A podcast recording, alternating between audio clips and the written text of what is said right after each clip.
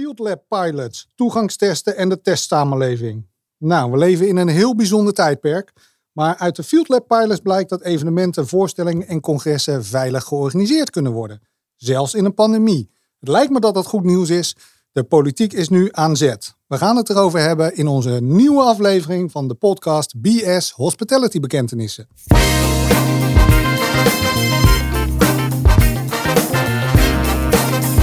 De podcast BS, Hospitality Bekentenissen, gaat over de gedachtenkronkels, overwegingen en ideevorming die leiden tot de zichtbare beslissingen. Deze podcast gaat dus vooral over wat je normaal niet ziet, hoort of leest. De gastheren van BS zijn de Waar zijn de desserts gebleven? Notello Kim van Velzen, eigenaar van marketingbureau Kimspiration En de Limburgse Hotello in de Randstad, Erik Jan Ginjaar, algemeen directeur van Postillon Hotels. We gaan door. Ehm, het toetje van deze maand. En het thema is iconen. En ik hou echt van iconen. Eh, iconische gebouwen, iconische hotels, iconische restaurants. En twee maanden geleden is de nieuwe eh, Postillon-locatie in Den Haag geopend. Een maand geleden is het nieuwe hotel van Postillon in Rotterdam geopend. Een nieuw icon in town is eh, daar de, de PO van. Dus ik dacht, we gaan dat vieren met gebak van een iconische zaak uit Rotterdam, Koekela. Sinds 2003 misschien wel de beste banketbakker van heel Rotterdam. Dus ik heb taart meegenomen. En ze hebben ook eh, een vestiging in Den Haag. Dus ik ben zowel in Rotterdam als in Den Haag geweest om jullie twee nieuwe vestigingen te vieren. Nou, wat, ja, nogmaals, dat heb ik de vorige keer al gezegd. Jullie kunnen dat niet zien. Maar ik sta hier te kijken naar een plateau met taart. Waar je echt u tegen zegt.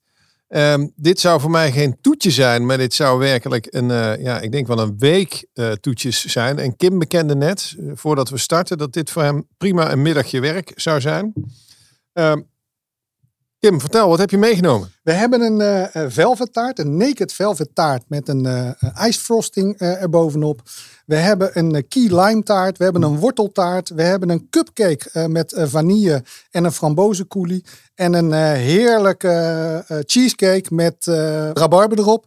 Het is dan net even... nee, dat is, ik ben niet zo van de rabarber. Maar Kim, vertel nou eens even. Zeg nou eens even eerlijk. Als jij nou in het weekend een toetje gaat halen. Kom je dan ook met zo'n plateau thuis? Ja, dat deed ik wel. Eh, kijk, dit zijn, eh, even kijken, het gemak eh, drie, vier taartjes, vier stukjes gebak, een cupcake en een klein rond taartje met een doorsnee van 16 centimeter. Ja, dit wilde ik vroeger gewoon rustig halen hoor. En dan zei ik tegen mijn vrouw van, ik ga even wat lekkers halen. En dan kwam ik hiermee thuis. Maar, maar je, je zegt expliciet vroeger. Ja. Nu niet meer? Nee. Je houdt er niet meer van? Ja, ik hou er nog steeds van, maar eh, dit, eh, dit mag ik gewoon niet meer hè. Kijk, Maar van de dokter niet meer? Dat lijkt me heel logisch. Nee, mijn vrouw heeft gezegd van eh, laat mij maar gewoon eh, het zoet halen. Want eh, als jij hier elk weekend mee thuis komt met eh, anderhalve kilo eh, eh, gebak, gewoon omdat het lekker is, gaat dat niet werken. Oké, maar nou probeer ik me dit voor te stellen. Want ik, eh, misschien, ik, ik ben volgens mij net als jij een levensgenieter. Maar in het weekend, zeker eh, als er bezoek komt of zo, dan vind ik het heerlijk. Zo smiddags, flesje wijn open en eh, een glaasje en misschien nog wel een glaasje. Eh, combineer je dit dan ook met een heerlijk glas? Ja, dit combineer ik zeker met een heerlijk eh, eh, glas. En ik hou enorm van eh, Late Harvest eh dessertwijn uit eh, Australië. Of, eh, of een lekker, eh, eh, ja, bijna likeurachtig uit, uit de Jura. Dus Nou ja, zegt jouw vrouw tegen jou, Kim, komend weekend moet je kiezen. Het is of dat lekkere glas, of een toetje. Ja, dat is echt een gewetensvraag. Dat is echt een gewetensvraag. En ik, ik heb normaal gesproken redelijk snel mijn antwoord klaar. Op, op de meeste vragen. Maar ja, als ik echt moet kiezen Ja, dat, en ik word echt gedwongen. Dan denk ik toch dat ik voor het zoet zou kiezen. Het taartje. ben ik dus stil van. Dat kan ik me niks bij voorstellen. Weet je, Kim, wat ik, ik- heb net zo'n hap van die eh, Naked Velvet taart genomen. Ja, dat is natuurlijk heerlijk. Maar A, op dit tijdstip, weet je, meer dan twee happen. Ik denk dat ik de rest van de dag de Naked Velvet nog proef, zou ik maar zeggen. of eh, terug kan laten komen. En nog eens kan proeven. Eh, maar dit is echt voor mij veel te veel. Dus ik heb diep respect voor je dat, je dit, eh, dat jij dit zo in een eh, middagje weg kan, weg kan steken. Ehm, Maar dat dit ten koste zou zijn van een, mooi glas, dat zou ik niet begrijpen. Nee. Nee, dat, dat is ook, het is ook echt met pijn in mijn hart, maar het is wel echt een keuze uit. Maar ben je dan ook echt een dessertwijnman? Dus, dus als ik nou, dus jij drinkt liever een glas Late Harvest uit Australië, dan dat ik een prachtige Saint-Aubert Grand Cru uit de Bourgogne zou meenemen. Nee, het- het- ik ga hier niet weer kiezen. Dat ga je me niet weer aan doen. Nee, nee, nee, nee. Nee, nee, nee. Want je begint over Bourgogne. Dat is absoluut by far mijn favoriete streek. Ehm, dus ja, ik heb Ja, het maar dit liefst is toch niet, gewoon dit is toch niet te combineren alles. met een glas, eh, glas Saint-Aubert? Laten we nou eerlijk Nee, zijn. nee, dit is niet te combineren. Absoluut. Nee, daar heb je helemaal gelijk in. Eh, dus eh, je neemt eerst gewoon eh, lekker één taartje. Dan spoel je even met, met water. En dan begin je aan het glas Saint-Aubert. Gelukkig zeg je, dan spoel je even met water. Ik dacht even dat je ging zeggen, en dan spoel je met Saint-Aubert. Ik ben heel benieuwd wat je de volgende keer gaat meenemen. Dit zijn de ingestuurde vragen. Voor de ingestuurde vragen gaan we bellen met Richard Haak. En Richard Haak is een leiderschapsgoeroe.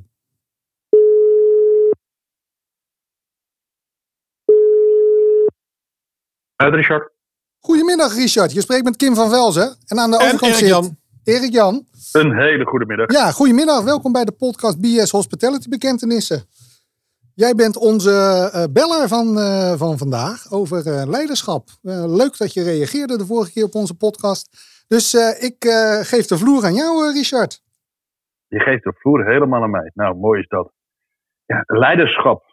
Ehm, wat je erover willen weten? Maar waarom is het voor jullie eigenlijk een thema leiderschap?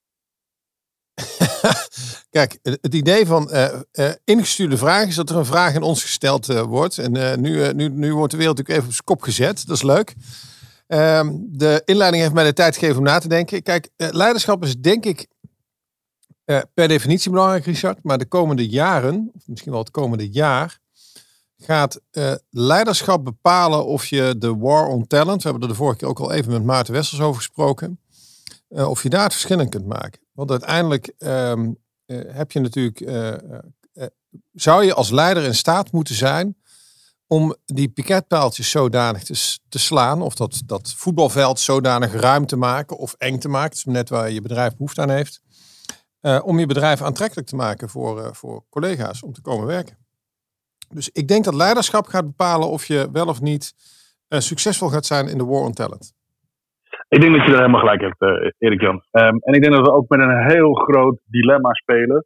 Eh, laten we vooral ook even in onze omgeving kijken als je naar de politiek kijkt. Eh, je kunt zelf wel heel hard bepalen of jij zelf dat nieuwe leiderschap neer wil zetten, maar dat wordt door de ander bepaald.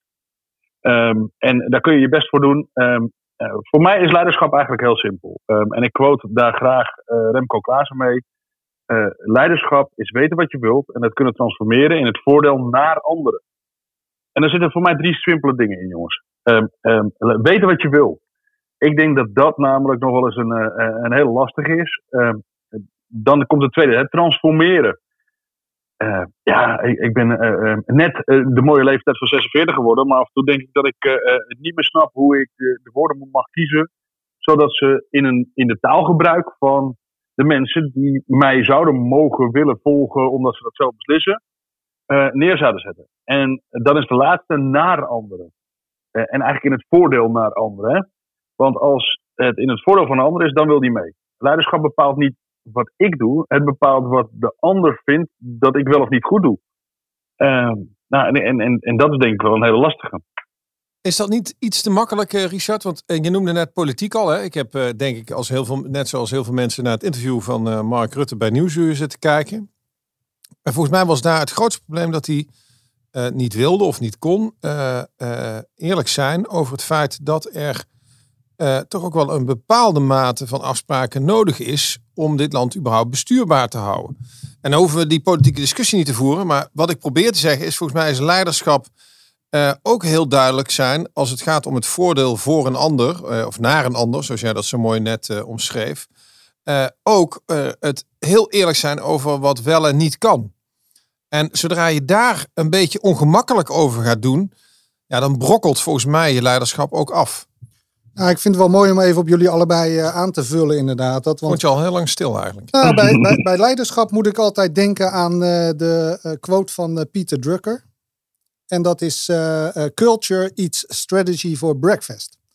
Ehm, En uh, als je kijkt naar de, de, grote leiders in de wereld, dan is het zo dat die in een bepaalde cultuur werken en leven en een bedrijf ook transformeren naar een bepaalde cultuur. Dus als je uiteindelijk het leiderschap wilt, wilt nou, embedden, een plek wil geven, dan zul je inderdaad heel erg hard aan de slag moeten met, uh, met cultuur. Kijk, strategie kun je ontwikkelen. Dat is vaak ook uh, een, uh, nou, misschien wel voor de helft een theoretische exercitie. Kun je ontwikkelen in een afgesloten ruimte.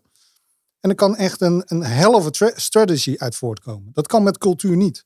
Het is echt een levend wezen. Dus ik ben heel benieuwd, Richard, even voor jou. Mm Je zit veel in de hospitality wereld, hè? Ja. Hoe is het gesteld met de cultuur en de, ja, gerelateerd eraan de leiderschap in uh, de hospitality op dit moment? Ja, dat, dat, kan ik heel, uh, dat doe ik in mijn training ook heel vaak. Want we gaan natuurlijk heel veel over gedrag. En gedrag is cultuur, Kim. Dat, dat, dat weet je als geen ander.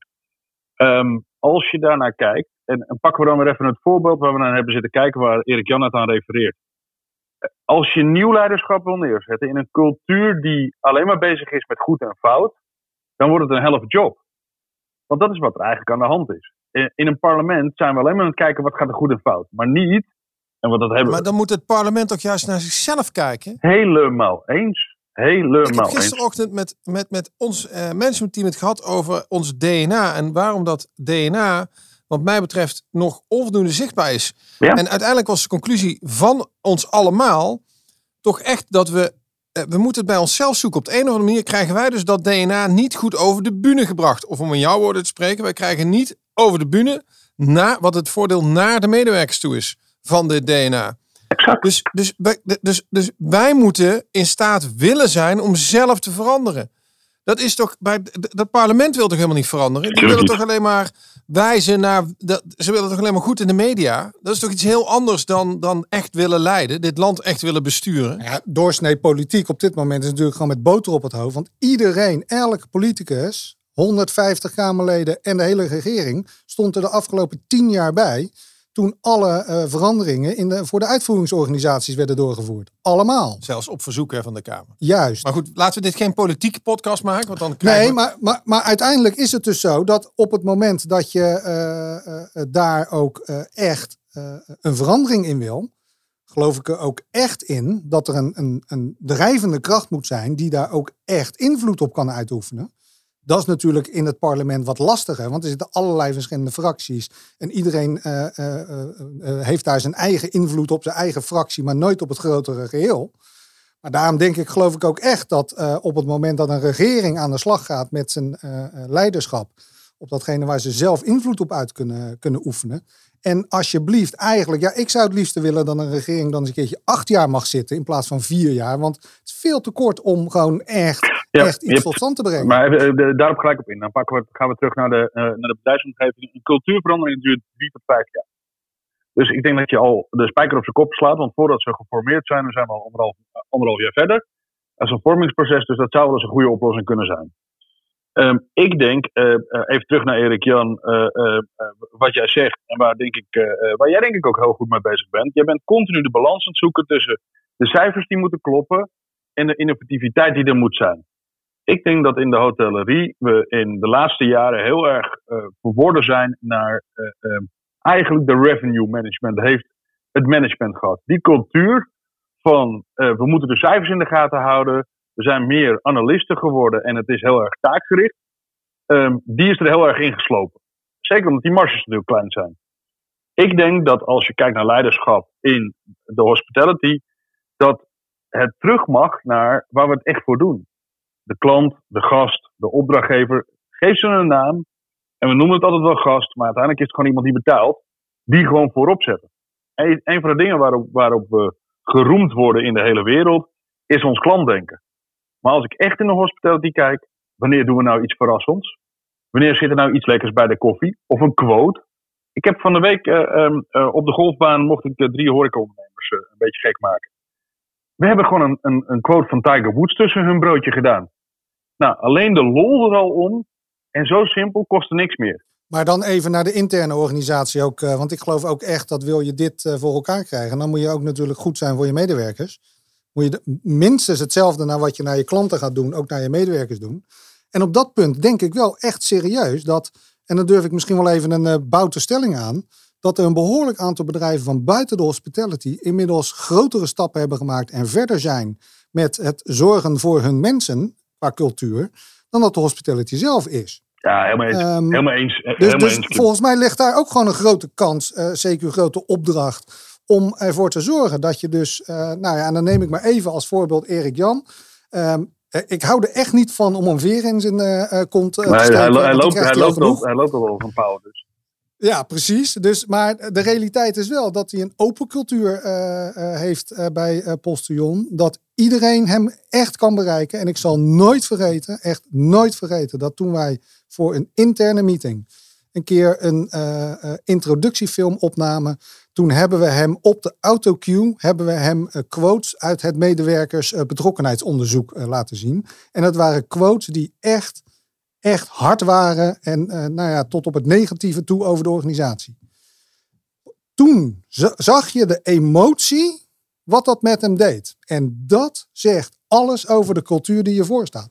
En, en, en, en heel veel meer mooiere momenten. Een mooie moment heb ik denk ik niet eens meegemaakt met hem. Los van alle mooie externe dingen. Du- dus die cultuur, die verder ontwikkelen, meer ruimte nog voor geven. Eh, sterker nog, daar ook echt daadwerkelijk op eh, eh, selecteren. Ja, ik, ik, ik, hoop echt van harte dat heel veel hospitalitybedrijven net, zo, net zulke grote stappen gaan maken als, als een aantal andere voorbeeldbedrijven op dit gebied. Dat gun ik ze echt van harte. Nou, gunnen, gunnen denk ik dat we ze allemaal doen. Het feit of ze het doen is een tweede. Ik denk het niet. Eh, eh, en, eh, zo, zo erg is het helaas Nee, maar ik wil het daar toch even voor ze opnemen. Want laten we ook eerlijk zijn.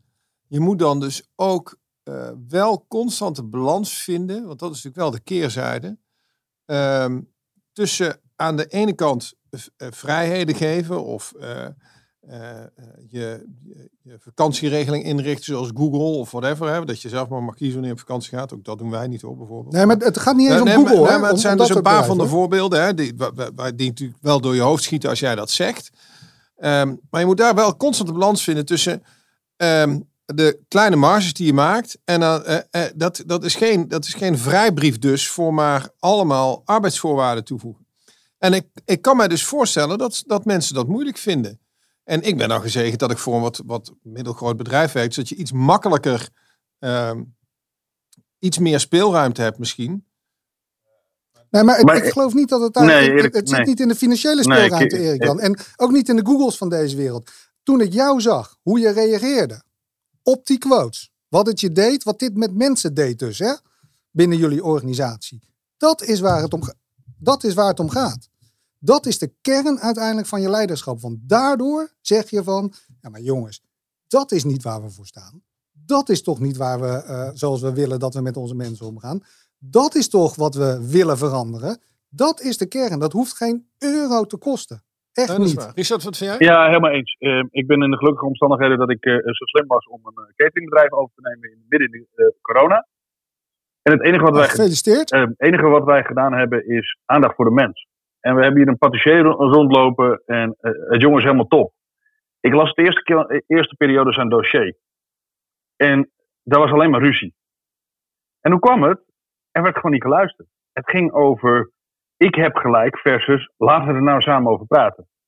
Ehm, nu is de, eh, John komt de dag later als hij, hij kan nog wel eens een keer een uitval hebben. Hé, dat mag hè, iedereen heeft dat. Een dag later komt hij, ehm, ik heb vanavond al tegen mijn vrouw gezegd dat ik wel langer doorwerk, want volgens mij hebben we het druk vandaag. En dan denk ik, als iemand zo zijn hand uitsteekt, en dat is maar een heel klein dingetje, omdat hij het vertrouwen heeft dat wij ook er hard voor gaan en de reflectie tonen. En dat is het woord, hè. Dan kunnen we wel weer het neerzetten. Als de leider geen reflectie toont, toont de organisatie geen reflectie. Want dan hebben we het over vechthouding. En ik denk dat we dat heel weinig geleerd hebben om echte reflectie als persoon. Het zelfleerzaamheid van de leider, daar zit het probleem. Even in die spiegel kijken. Wat had ik vandaag beter kunnen doen? En ik denk dat daar de basis. Ik denk dat Erik Jan eh, eh, eh, niet zozeer boos was over die medewerkers of over wat ze zeiden, maar dat hij ervan baalde van het feit dat hij dat niet had kunnen voorkomen. En als je Precies er dat. zo in zit, dan ben je bezig met. Dan ben je niet met aandeelhouderswaarde bezig. Ja, dat ben je wel, want je bent met de belangrijkste waarde, je asset, is het personeel. de medewerker, hè, veel mooier woord. Ehm, aan de andere kant, soms moet je ook gewoon keuzes maken, eh, Kim, daarin. Want het is niet alleen maar vrijheid, blijheid. Het is af, en toe. En dan ga ik wel even naar een andere omgeving. Ehm, ik mag ook in scholen en in ziekenhuizen veel rondlopen. In, in de dergelijke omgeving. Heel sociaal, heel lief voor elkaar. Maar dan zeggen ze elkaar de waarheid niet. Dan nemen ze elkaar de maat niet. Kijk nou met de bonus die er is. Iedereen moet alle bonus krijgen. Dat betekent dus gewoon dat iemand moet gaan schokken. Maar dat zeggen we niet. Eigenlijk zeg je het wel. Want we kiezen niet. Ehm, in, in een schoolomgeving, we hebben het allemaal heel zwaar. Iedereen heeft daar gewoon allemaal zijn baan nog. En dan hebben we het over absorptiegraad van een medewerker, hoorde ik van de week. En toen ben ik wel even uit mijn slot geschoten. En dan ben ik dan maar weer even de horeca horecaondernemer. Toen zei ik, jongens, ik was vanmorgen om vijf uur ben ik begonnen. Want ik heb drie zieke medewerkers. Als ik het niet doe, krijgen mijn klanten geen broodjes. Hoe zat het met jullie salaris? Toen was het even stil. Oké, werkgeluk heeft ook niks te maken met democratie. Want uh, dat is het allerergste wat je in een bedrijf kan hebben. Aandeelhouderswaarde is nodig, want een bedrijf wat niet bestaat, kan geen mensen in dienst hebben en, en, geen mensen betalen. Um, maar, uh, en, en dat je soms heel veel dingen moet doen die misschien iets minder leuk zijn. Ja, zo so be it. Het hoort bij je werk. Maar de, out, de totale output van werkgeluk, ja, die kan je als leider absoluut kan je die enorm beïnvloeden. Ja. En dat gaat echt over uh, de menselijke factor, de menselijke maat. Maar vooral, hoeveel doet het je op het moment dat, uh, uh, dat je ziet dat mensen niet prettig in een vel zitten of als er boos over zijn. Of, weet je, dat is de grote vraag. Hoeveel doet het je? En dan kun je volgens mij alles uiteindelijk voor elkaar krijgen. Soms duurt het wat langer, soms duurt het wat korter. Maar ja, weet je, die maat, ja, die, die, hoop ik echt van harte dat die uh, nog groter wordt. Richard, Kim, is dan de conclusie van dit, uh, van dit gesprek dat uh, leiderschap gelukkig geen democratie is, maar alleen kan bestaan met menselijke maat? Ja, absoluut. Absoluut. Ja. Het is voor mij uh, zeker nou, en, en, het wordt reflectie. een mooie samenvatting. En, en, en het, het wordt reflectie. Uh, ik weet niet hoe je hem in deze mooie volzin hebt, want die heb je altijd heel mooi. Uh, maar het wordt reflectie en dat is denk ik wel wat Zou we zien. Nog, dat voeg, ja, voegen we nog toe. Soms, soms even ook gewoon zeggen dat je het verkeerd hebt gedaan. Ehm, misschien ja. kwetsbaarheid. Met, met, met, met, kwetsbaarheid vind ik ook een hele belangrijke. Als je niet kan zeggen dat je het gewoon verkeerd hebt gedaan. Ja. Um, en ik denk dat dat ook een voorbeeld is, wat je ook herkent soms is het gewoon, ja, ja helaas, eh, ik weet het ook niet. En dat is misschien nog wel een mooie, want dan gaat het hele team met je aan de slag. Jongens, we weten het even niet. Hoe kunnen we het samen doen? En mannen, misschien is het een mooi, uh, mooi moment inderdaad om eens uh, met elkaar te kijken. Misschien kunnen we eens een uh, korte Hospitality Leadership Summit doen. Waarbij we eens een aantal mensen ook uitnodigen om het ook eens wat breder uit te dragen. Want uh, ja, het is toch het jaar van alles is anders, alles verandert. Ja, misschien is het wel het nog, moment. Nog even dat het wel gaat zingen, dan moeten we even oppassen. Maar uh, uh, ik vind dit een mooie uitdaging. Haak, doe je mee? Ja, altijd. We gaan de Leadership Summit organiseren naar aanleiding van dit, dit korte telefonisch gesprek. Haak, altijd fantastisch om jou te spreken. Dank dat je dit wilde doen. Dankjewel. Dank en fijn dat je ons kritisch bevraagd hebt. Tot gauw. Tot snel mannen. Hoi. Hoi hoi. Dit was het nieuws.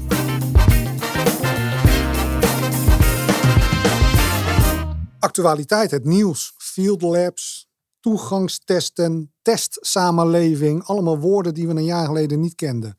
Eerste reactie, uh, Erik-Jan, hoe sta je erin? Uh, het allereerste reactie is natuurlijk dat, wat ben ik blij dat er Field Lab evenementen zijn. Dat er zoiets is als Field Lab. En dat er dus ook een uitspraak gedaan is dat uh, congresseren, bij elkaar komen, zakelijke evenementen, ook in een pandemie kunnen. Dat is de zuurstof die wij nodig hadden. Um, dan hoe ik kijk naar toegangstesten.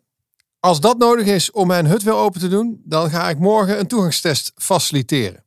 En er zitten allemaal nog haken en ogen aan. Want als ik 57 per persoon moet gaan afdragen, ja, die marge maakt niet op een kopje koffie. Hè? Dus uh, voor mijn terras gaat het al niet. Uh, maar als dat de weg is om sneller open te kunnen dan bijvoorbeeld 1 september of 1 oktober, dan vind ik dat we niet zo schijnheilig en hypocriet moeten doen. Dan moeten we met een applaus bij de voordeur staan en zeggen: kom maar binnen. Uh, dus dat is één. Twee, uh, volgens mij kan het uh, zeker in combinatie met de app die eraan komt, prima. zijn, ben ik klaar voor een leven in een testsamenleving? Wat ik daarmee bedoel, voor de rest van mijn leven een coronatest moeten doen voordat ik ergens naartoe kan? Nee, natuurlijk niet. maar je moet het wel een perspectief zien. Er wordt over gesproken dat dit een methode is om onze branche, de, de branche van zakelijk ontmoeten, de branche waar eventplatform, Sales Vecta, beide onder aanvoering van Riemer Rijpkema, knijterhard werken om dit voor elkaar te krijgen. Die branche, ja, dan moeten we toch met twee handen aangrijpen. Dat maakt toch niks uit? Absoluut. En, en weet je waarom vooral we dit met twee handen moeten aangrijpen? Als de nogal eigenwijze samenleving van Nederlanders zich gewoon wat beter aan de basismaatregelen had gehouden, hadden we deze shit ellende niet gehad van toegangstesten, testsamenleving. En weet je wat ik nou Dus- zo grappig vind? Heel snel even, want eh, ook eh, dit wordt eigenlijk nog een politieke podcast, dat moeten we niet doen. Maar eh, zoveel commentaar als er op onze overheid was toen dat vaccineren zo traag op gang kwam. Zo weinig complimenten zijn er nu we in de top drie van Europa Ja. staan. Dat is toch Ja. opvallend, hè? Dat is toch heel geestig eigenlijk. Dat. En weet je, je kunt wel wijzen naar een ander. Maar eh, uiteindelijk is het zo dat de basis eh, begint bij jezelf. Dus ehm, En- dat dit nodig is, dat toegangstesten nu, om En de eerste stap hoe te maken. vervelend is het nou om even zo'n eh, staafje door je neus heen te halen? Ja, het is, het is, het is geen lekker gevoel, laten we ook eerlijk zijn. Het is Nee. niet, je doet dat niet omdat je nou denkt, goh, doe nog eens. Maar dit is wat het is. En als dit voor de komende drie tot zes maanden ervoor zorgt dat we weer uit deze ellende komen en weer naar het perspectief gaan, dat we daarna gewoon, gewoon met misschien een jaarlijkse of tweejaarlijkse vaccinatie ons leven weer volledig kunnen oppakken. Want natuurlijk, ik ben ook niet klaar voor een permanente testsamenleving. Dat, daar wil ik niet eens aan denken. Maar de komende drie tot zes maanden moeten we dit absoluut doen. En Maar laat ik iedereen nou eens moet staan. Zou jij bereid zijn als gast, hè? dus nu ben jij gast, we hebben het net gehad over de Leadership Summit en daar zou jij te gast zijn. En Ben je dan bereid om 3, 5 of 10 euro meer te betalen voor je entree-ticket? eh, eh, om daarmee ook je toegangstest eh, te, re- te regelen? Of vind jij dat die kosten bij de organisator eh, of de locatie thuis horen? Dat kan natuurlijk ook. Nee, ik, zou, ik zou het ervoor over hebben, zonder meer. Omdat ik ook vind namelijk dat als je kijkt naar de, degenen die daar komen. En dan moet je het echt in het juiste perspectief zien. Ja. De bedrijven die nu weer een beetje open mogen. Ja, die zitten in de sectoren die het hardst geraakt zijn. Al meer dan een jaar. Ja. En 80% van de sectoren is bijna niet geraakt uiteindelijk blijkt. Dus Maar vind je dan ook- alsjeblieft mensen, betaal dat dan. Want Maar- je komt uit die sector. Stel dat je niet kan betalen, vind je dan dat de overheid moet betalen of de locatie? Of de organisator, voor that matter. Maar is het de overheid of is het de commerciële partij? Dat is een interessante vraag. Ja, dan vind ik wel echt dat de overheid daar een, een rol in heeft. En het heeft te maken met eh, uiteindelijk het totale economische belang van, eh, van een samenleving en een economie die echt weer op gang wordt. eh, Ze wordt hebben er al miljarden in gestopt. Ja, absoluut. Maar als je dit snel en toegankelijk dan wil maken, ja, en ook echt de drijvende kracht wilt zijn achter, zeg maar, weer de economie openen. Nou, neem Denemarken even. Maar er bestaat toch niet zoiets als gratis geld? Als je dit dan doet, dan, ga je toch wel, dan komen toch wel wel ergens anders belastingen de hoek om kijken. Nou, op enig moment over de komende 30 jaar gaan we dit natuurlijk verspreid terug eh, eh, betalen. Maar ik denk wel voor als, als stimulans om nu snelheid te maken, zou ik zeker zeggen van laat de overheid daar dan ook een eh, rol in, eh, eh, in spelen. Nou, ik durf wel een boute uitzending doen. Ik denk dat daar best wel ook een eh, rol weggelegd is voor organisator en locatie. Hè. Wij zijn natuurlijk een locatieaanbieder. Ehm, sterker, we hebben op directieniveau hier regelmatig gesprekken over. Eh, maar wat ik nog niet bereid ben te doen, is om nu eh, 10.000 of 20.000 tests eh, aan te schaffen. Als ik niet zeker weet dat die ook door de overheid er- erkend zijn. En dadelijk ook in die app eh, terechtkomen. Waarmee gasten kunnen laten zien, kijk eens, ik ben getest. Want dat, is nou het, grote probleem. Ehm, je kan die test alleen maar in bulk, een grote bulk kopen. Dan wordt het betaalbaar. En dan kan je het ook, eh, zeg maar, verdisconteren in je marge. Dan kan je zeggen, nou, dan neem ik eens een keer wat minder marge op een eh, congres van X. Ehm, maar op dit moment is dat nog volledig onduidelijk. Dus wat ik eigenlijk nodig heb van de overheid is niet zozeer dat ze het betalen. Dat is gek, hè? Ik heb liever dat ze dat geld steken in zo snel mogelijk helder krijgen bij welke aanbieders ik die testen kan kopen. En dan liefst niet voor 57 per test, want dat, dat gaat niet lukken. Dat, hè, nogmaals, dat is eh, op congres van duizend. Nou, ik hoef het allemaal niet uit te leggen, ga ik ook niet doen hier. Ehm, eh, maar regel nou dat er eh, een aantal aanbieders zijn waar je dit gewoon snel en efficiënt kan kopen. Die ook gekoppeld zijn in die corona-app of die, die test-app of nou whatever. D- dan help je mij. Dus eigenlijk zeg jij van overheid, breng maar nou binnen die raamovereenkomst die voor zeg maar, op dit moment voor dat testbeleid is, hè, waar 1,1 miljard al voor gereserveerd is. Breng mij onder die raamovereenkomst. Dan kunnen wij aan de gang. Ja, zorg dat je die 1,1 miljard dan vooral steekt in die app of in, of in sneller vaccineren of whatever. Nee, maar jij moet toegang hebben tot uiteindelijk de, de inkoop tegen de best mogelijke prijs. Dat kan de overheid faciliteren binnen die raamovereenkomst. En eh, jij hebt dan ook toegang tot testen die echt gevalideerd zijn en geldig zijn. En ook in die app uiteindelijk eh eh, En, eh, en dan zijn we structuur hè? En Ja. wat ik dan doe, is gewoon, eh, ja, dan gaan we dat gewoon faciliteren. Dan eh, leg ik ze op hotelkamers of ik stuur ze van tevoren op. Er zijn tal van mogelijkheden. Maar op dat moment kom ik ook zelf aan het stuur. Want dan krijg je dus, dat je, dan, dan krijg je ook een, eh, een, een eerlijk speelveld. Want iedereen kan tot diezelfde raamovereenkomst komen als ondernemer. Dan kan je zeggen, nou, ik vind als ondernemer, ik zie de pijplijn die ik heb of whatever. Of, nou, ik, eh, ik eh, doe dat even niet. Ik wacht gewoon tot in september, eh, tot we helemaal van de overheid mogen, zonder testen. Omdat ik, misschien ben ik wel principieel tegen testen of whatever. Hè, dat is allemaal goed. Of je zegt, nou luister, ik, ik ga dat gewoon, ja, weet je, ik, dit is mij de investering waard. Ik ga dat doen. Want ik wil weer bezig zijn. Ik wil opstarten. Ik heb een aantal congressen die ik per se door wil laten gaan. Ja, het is misschien wel heel erg liberaal gedacht, besef ik terwijl ik het zo zeg. Hè, maar ik vind het echt. Ja, ik denk echt dat, dat, dat daar ligt de taak van de overheid. Niet zozeer in het betalen ervan. En daarmee wil ik dus, want eh, voordat de, je vindt dus dat congres, congres alleen voor de rijken zijn. Nee, nee, nee, nee, nee. Die, congres hoeft voor mij niet per se duurder te worden. Want een organisator kan ook zeggen, samen met mij als locatie. Hè, als nou een jij bent organisator van een congres. Je komt bij mij en zegt, joh, we, moeten, we willen toch door laten gaan. Kost ons eh, 10.000 euro de testen vanwege eh, opsturen en regelen en whatever. Als we nou ieder 5k pakken, dan hebben we, dan hebben we ieder iets minder marge, maar kan het wel doorgaan. En heeft de bezoeker daar geen last van. Ja, weet je, dat gesprek, dat moet de organisator met locatie voeren.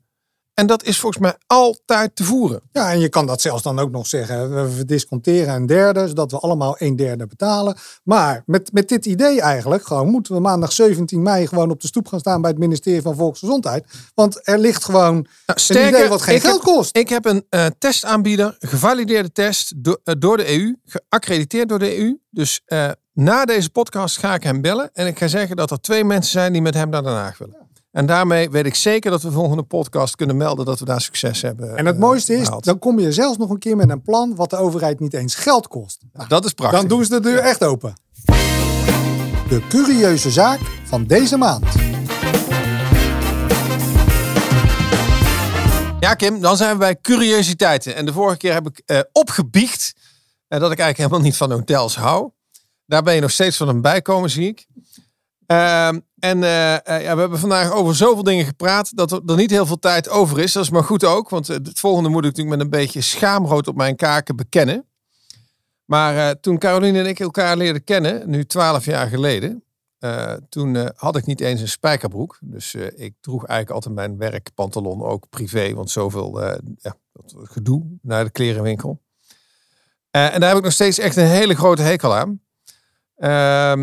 En ik heb nou uiteindelijk het geluk dat ik op een gegeven moment eh, eh, ehm, bij iemand eh, ben geweest. En die heeft mijn maten opgenomen. Zodat, die dan, zodat ik dat, dat winkelen wat makkelijker wordt.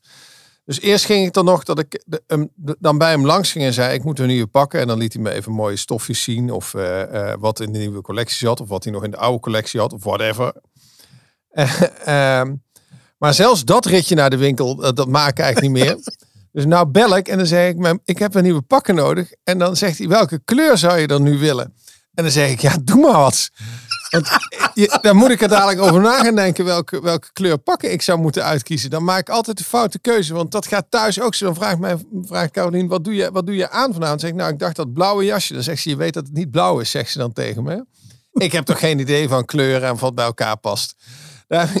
Maar om, om het even, even goed te laten bezinken, hè? Jij belt gewoon en zegt tegen de kleermaker, doe maar wat. Nee, nee, kijk, het is A, geen kleermaker. Het is een, een fantastische ondernemer eh, die eh, confectie en maatpakken verkoopt. En hem bel ik op en dan zeg ik, luister, ik heb meteen nieuwe pakken nodig. En hij probeert het altijd nog netjes. Welke kleur had je dan in gedachten? En dan zeg ik, doe maar wat. Nou, ik vind het super knap. Ik kan me er niets bij voorstellen dat je dat, eh, dat, je dat durft. Want dat is echt aan mij zeker niet, eh, niet, niet besteed. Eh, maar ik vind het wel, ik, ik vind het ook wel passen bij je eigenlijk. Het heeft ook wel iets. Je hebt overigens ook een nieuwe bril. Ja. Wat, eh, een, overigens een hele hippe bril. Ja. Dus op, dat, op dat punt zou een spijkerbroek Sterker- zeker passen. En deze brillen koop ik bij een hele goede vriend in Maastricht. Een zeer gewaardeerde vriend. Voor deze bril ben ik naar Maastricht gereden. Maar het kan ook wel eens zijn dat hij me appt en zegt... Ginja, ik heb weer een nieuwe bril in de collectie. Die is echt wat voor jou. En dan zeg ik, doe maar. En dan weet ik niet wat er komt. Ja, ik, het, het avontuurlijke. dat- maar dat is wel het gekke eigenlijk inderdaad. Want dat is eigenlijk heel avontuurlijk. Dat is eigenlijk heel avontuurlijk. Nou ja, ik zou het gewoon lui noemen. Mag dat ook? Nou, en, en met die laatste eh, bekentenis eh, vind ik een mooi moment om eh, deze podcast, aflevering 3, af te sluiten. Het was weer een genoegen, Erik Jan. Wederzijds. En tot de volgende keer, mensen. En nogmaals, als je een onderwerp in te brengen hebt, laat het weten aan ons. Want dan bellen we je in en dan hebben we graag het gesprek met je. Dankjewel voor het luisteren.